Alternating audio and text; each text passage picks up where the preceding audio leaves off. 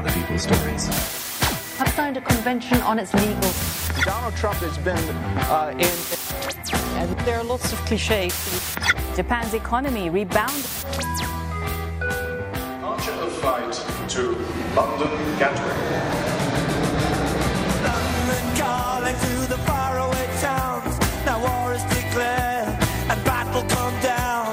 John Carlin, bon dia i bona hora. Bon día, Roger. Com estan els ànims per aquí a Londres, John? Eh, bueno, eh, bien, eh, ha, ha empezado el invierno, pero creo que hay también, claro, pero esto es relativo al invierno en Barcelona y en Londres, pero, mm, pero bien, aquí, aquí estamos eh, esperando ver qué pasa con nuestro querido Brexit, que es lo que domina la atención de todo y de vez en cuando gente como yo nos fijamos en lo que pasa en, ahí en Cataluña. De fet, avui eh, parlem eh, d'un home que és a Catalunya, en aquest cas entre reixes. El que faig és fer una proposta que aproximadament... Ara no recordo les xifres, perquè clar, estem parlant del 2006, eh? Però sí que augmento en moltíssim el contracte anterior que ells tenien amb una altra empresa, amb una altra agència. Aquest que sentim és l'expresident del Barça, Sandro Rossell, en presó preventiva des de fa, atenció, un any i mig des del maig del 2017. Sandro Rossell, John Carlin és un pres polític? Es la única explicación que yo puedo aportar. Si alguien me da una mejor explicación, me gustaría em, oírla y a ver si me convencen. Pero he estudiado el caso con cierta detención y, y no veo otra forma de, de llamar la condición actual de Sandro Rosario. Clar, aquí quan parlem de presos polítics, últimament parlem molt dels líders independentistes.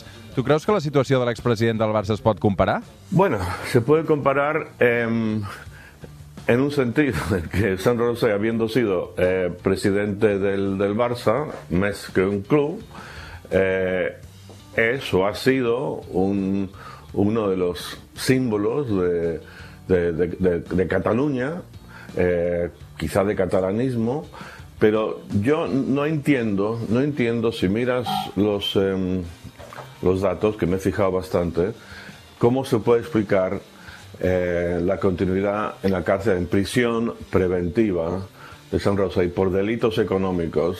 O sea, lo están tratando como si fuera un, un asesino en serie.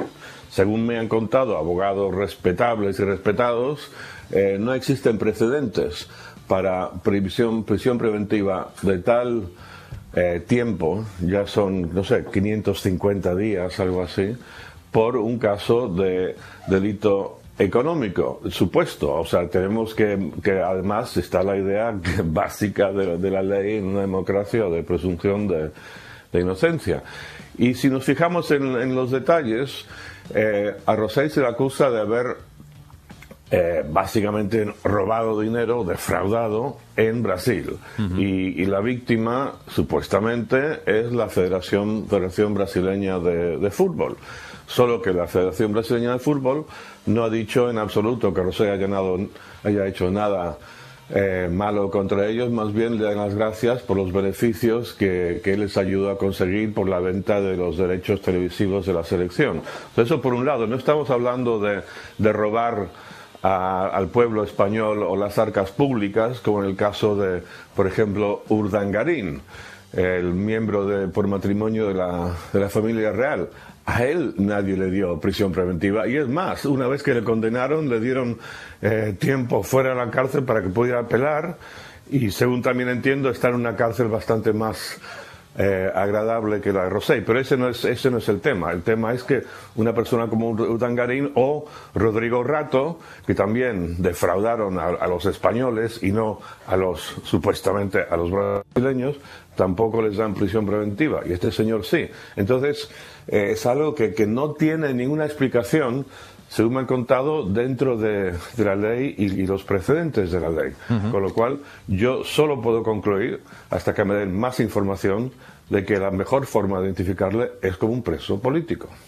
Uh, John, tu creus que ser president del Barça també t'assenyala com a objectiu polític? Perquè també gent del seu entorn ha donat a entendre aquest missatge, també. Sí, bueno, eh, no sé, tú, Roger, dame otra explicación por, por lo que por, en todo lo demás es que simplemente no existe ninguna justificación en absoluto por mantenerle en prisión preventiva.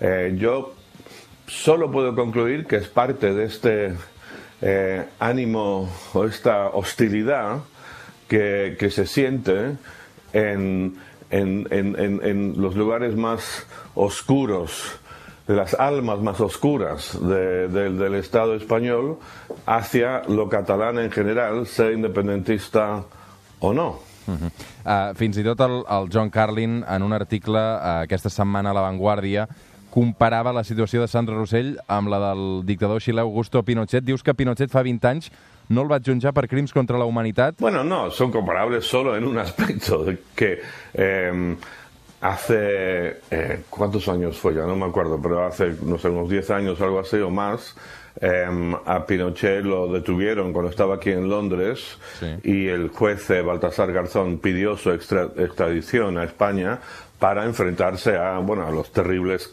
crímenes, pero de verdad, muchos muertos, muchos desaparecidos, eh, bajo el mandato de la dictadura de Pinochet.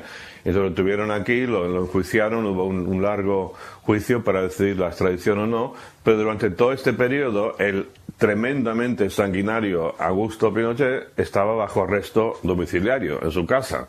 Eh, entonces, la única, o sea, comparo solo la discrepancia entre la severidad de la prisión preventiva a Rosell por supuestos eh, delitos económicos comparado con el trato mucho más eh, benigno hacia Pinochet que, que mató enormes cantidades de personas.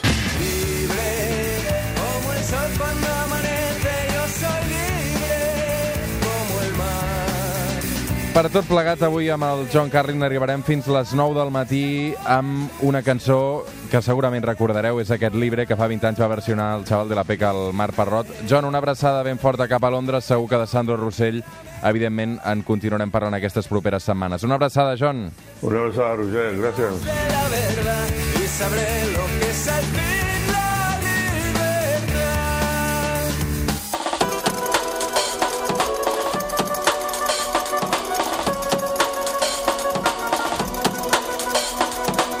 Su amor por bandera se marchó cantando una canción. Marchaba tan feliz que no escuchó la voz que le llamó. Y tendido en el suelo se quedó, sonriendo y sin hablar. Sobre su pecho flores carmesí brotaban sin cesar.